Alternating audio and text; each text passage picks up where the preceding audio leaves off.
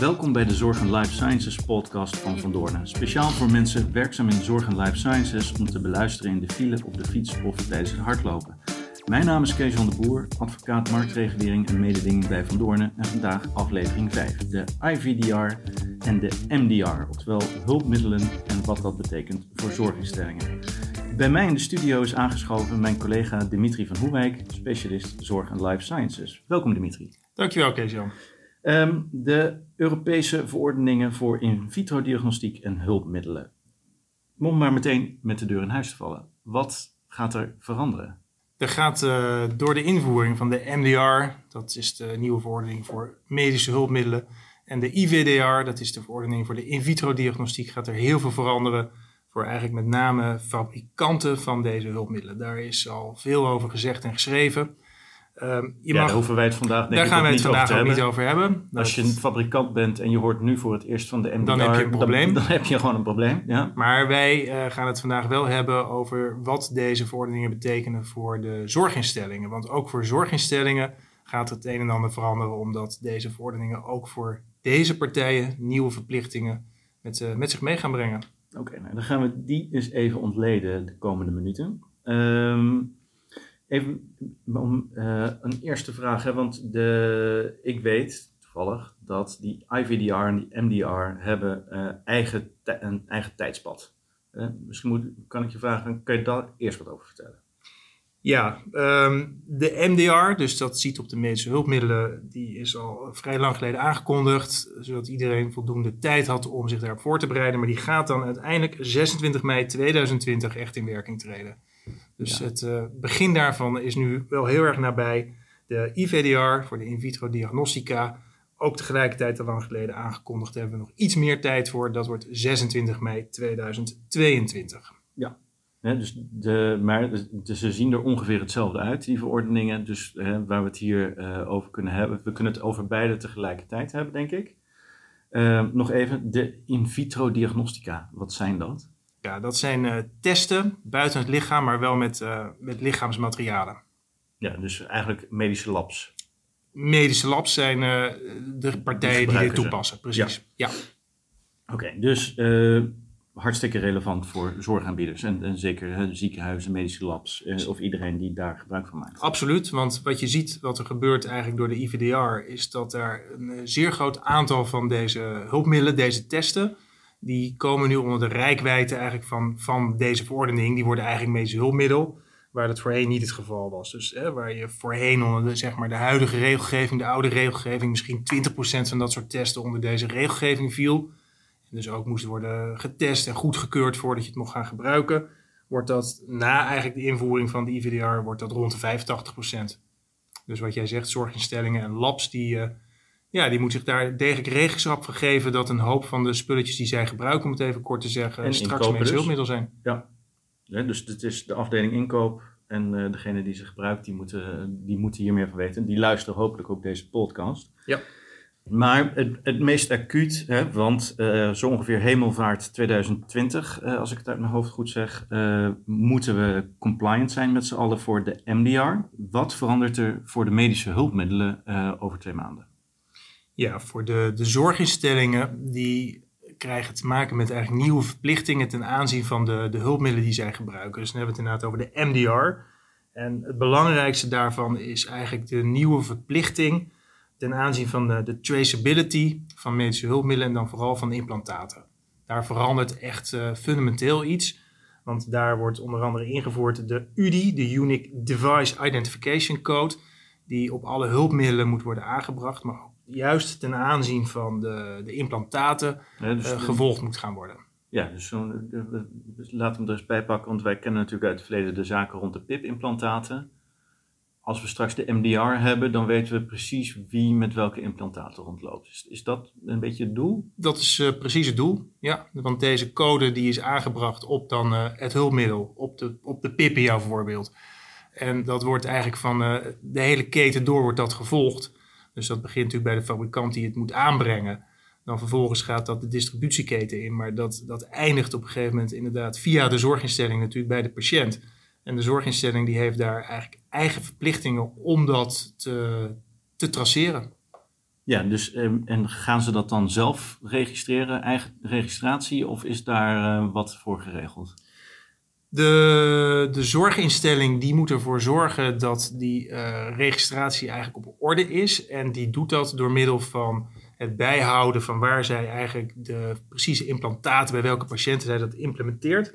En die moet dat vervolgens allemaal doorgeven in Nederland. Dat is in Nederland hebben we de MDR zo ingevoerd bij het uh, LIR.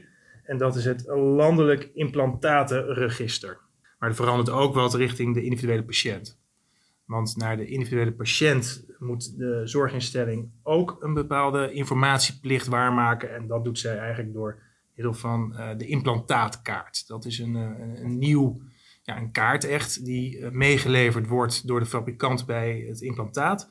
En die vult de, de, zorginstelling in en die geeft zij vervolgens mee aan de patiënt waar alle relevante informatie op staat. Ja, dus je krijgt een garantiebewijsje bij je nieuwe heup. Zo zou je het kunnen zeggen. Oké, ja. nou, nou, hartstikke mooi.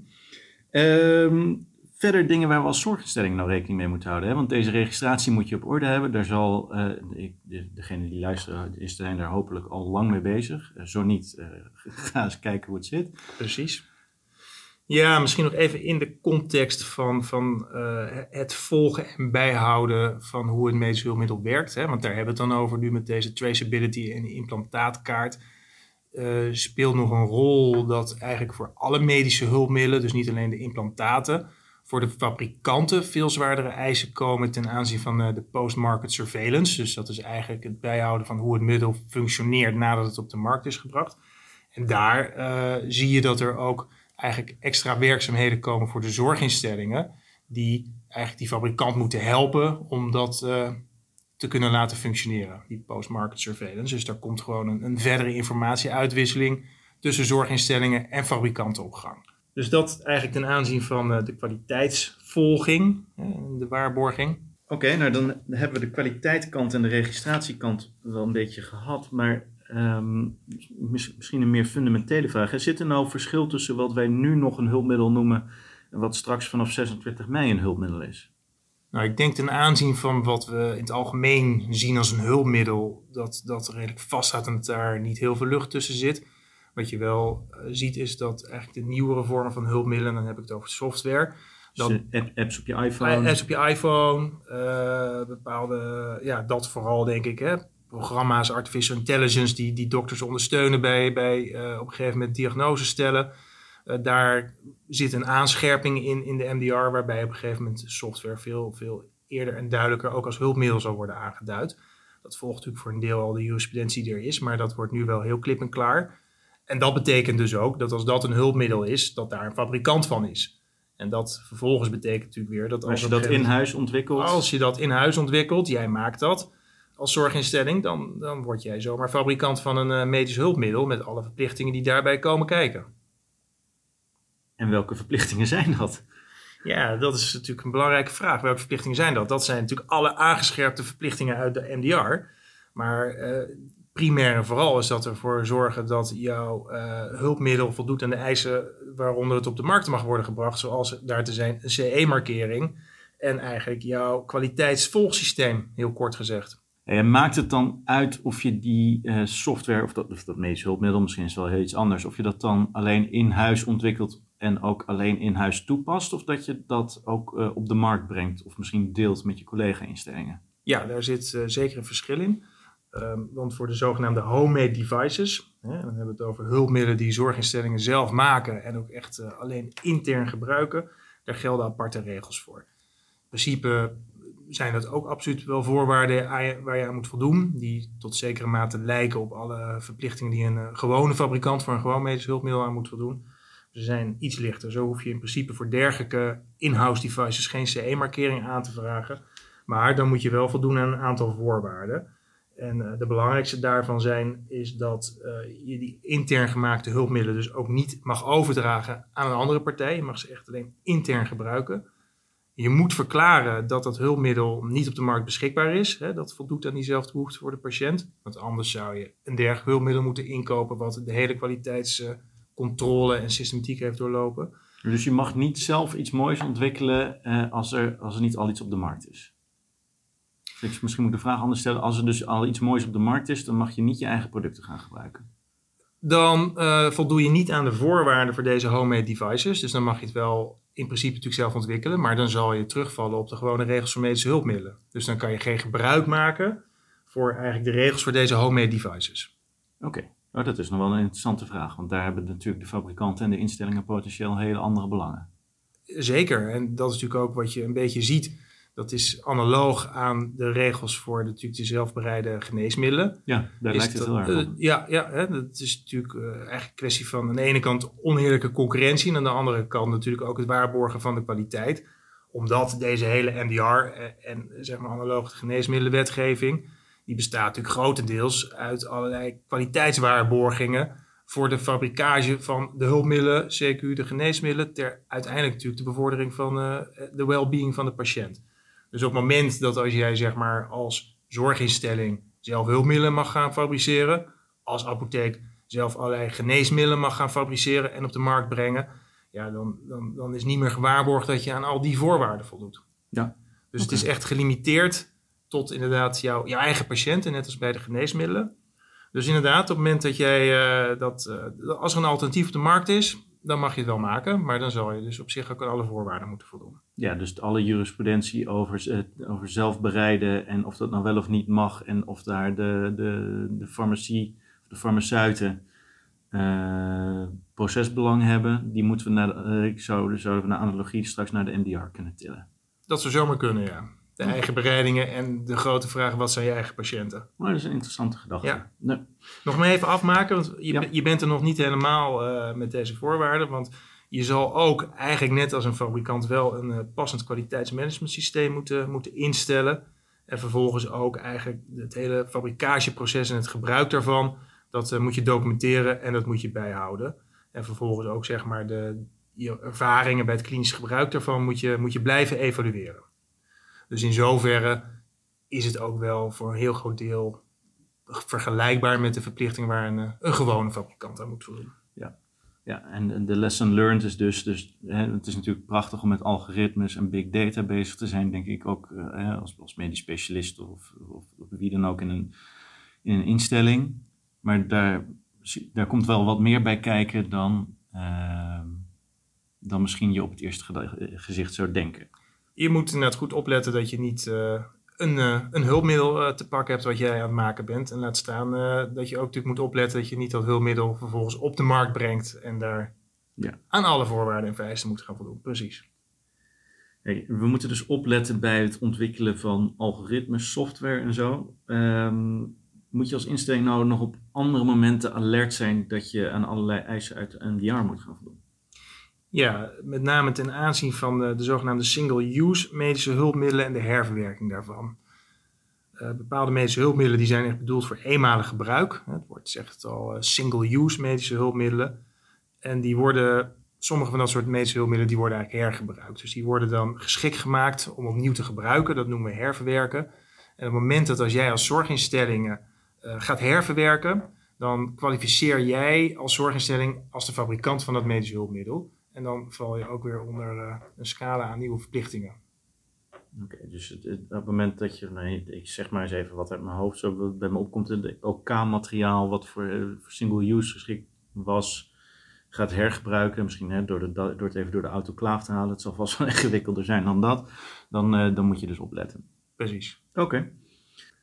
En dan misschien een beetje naar de actualiteit. Hè? Want uh, het gaat door uh, op dit moment, als u later luistert, op dit moment hebben we natuurlijk de corona-uitbraak. Maar uh, een van de dingen die je daar in de media hoort, is dat het nog best lastig is met de bevoorrading van, van zorginstellingen op dit moment. Kunnen we nou zo ook iets verwachten rond de MDR? Is het zo dat de, de voorraad van de fabrikanten in één keer op 26 mei aan nieuwe eisen moet voldoen en niet meer geleverd kan worden?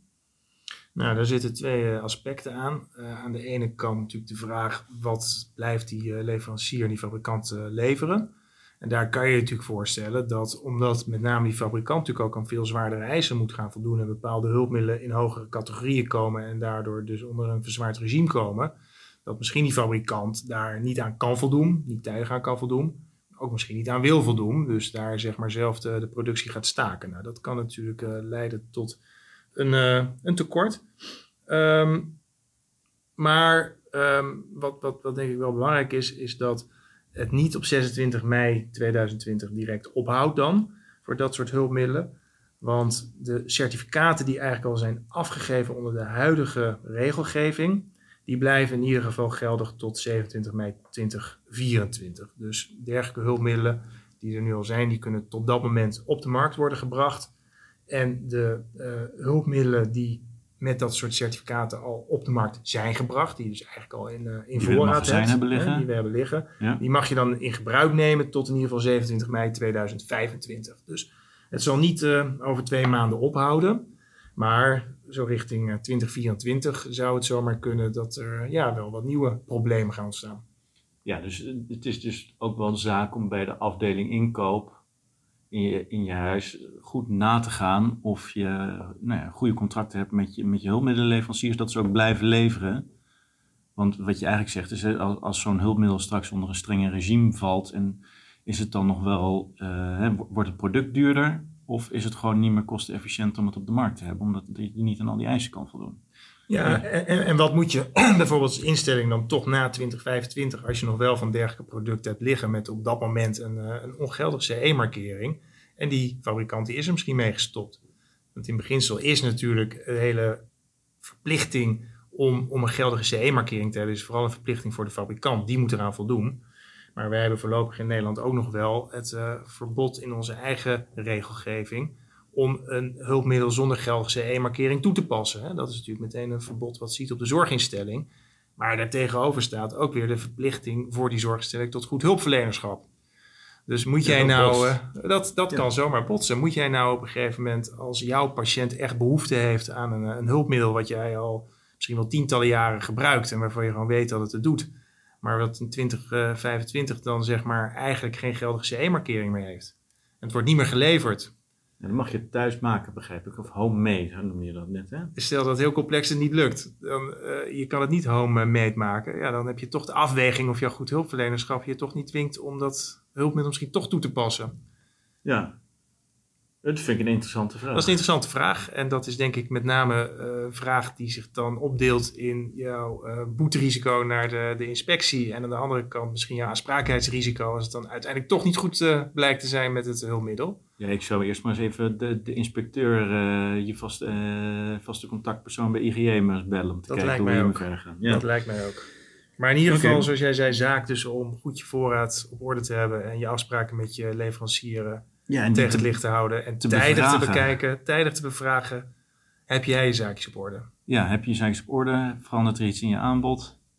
Heb je genoeg voorraad? Er zijn wel vragen die gesteld moeten worden. Ja. Oké, en dat, dat brengt mij misschien ook wel bij de, de in vitro diagnostica. Um, want daar zei je net van, ja, 20% valt daar nu onder, maar 80% uh, waarschijnlijk niet. Daar zal deze overgang misschien wel met een veel hardere klap gaan. Ja, omdat natuurlijk daar dat proportioneel deel wat straks uh, getoetst moet worden en onder de regelgeving valt veel groter is, loopt natuurlijk het risico uh, is daar veel groter dat ofwel misschien de notified bodies dat allemaal niet aan kunnen, ofwel het bedrijfseconomisch voor de fabrikanten niet meer interessant is. Dus dat je daar eigenlijk tegen tekorten aan gaat lopen, eh, is, is, is een, uh, meer te verwachten. Ja, dus de medische laboratoria hebben de komende twee jaar nog wel eventjes reden om alert te zijn op de bevoorrading. Die moeten scherp zijn. Heel veel dank. Je, om het maar even samen te vatten, je bent als zorginstelling, hè, je, moet wat, je moet zorgen dat je je registratie op orde bent, hebt. Je moet goed opletten wanneer je zelf uh, hulpmiddelen gaat maken en onder allerlei eisen gaat vallen. En uh, vergeet vooral ook niet te communiceren met je leveranciers en die kritisch te bevragen. Volgens mij zijn dat een beetje de drie take-home messages voor vandaag. Ja, ik denk dat je dat uh, goed hebt samengevat. De NDR brengt een hoop met zich mee, vooral voor fabrikanten. Maar de zorginstellingen zullen ook uh, hun huiswerk goed op orde moeten hebben. Oké, okay. nou, dank voor deze toelichting. Dankjewel, jij ook. Dit was de podcast en uh, tot de volgende keer.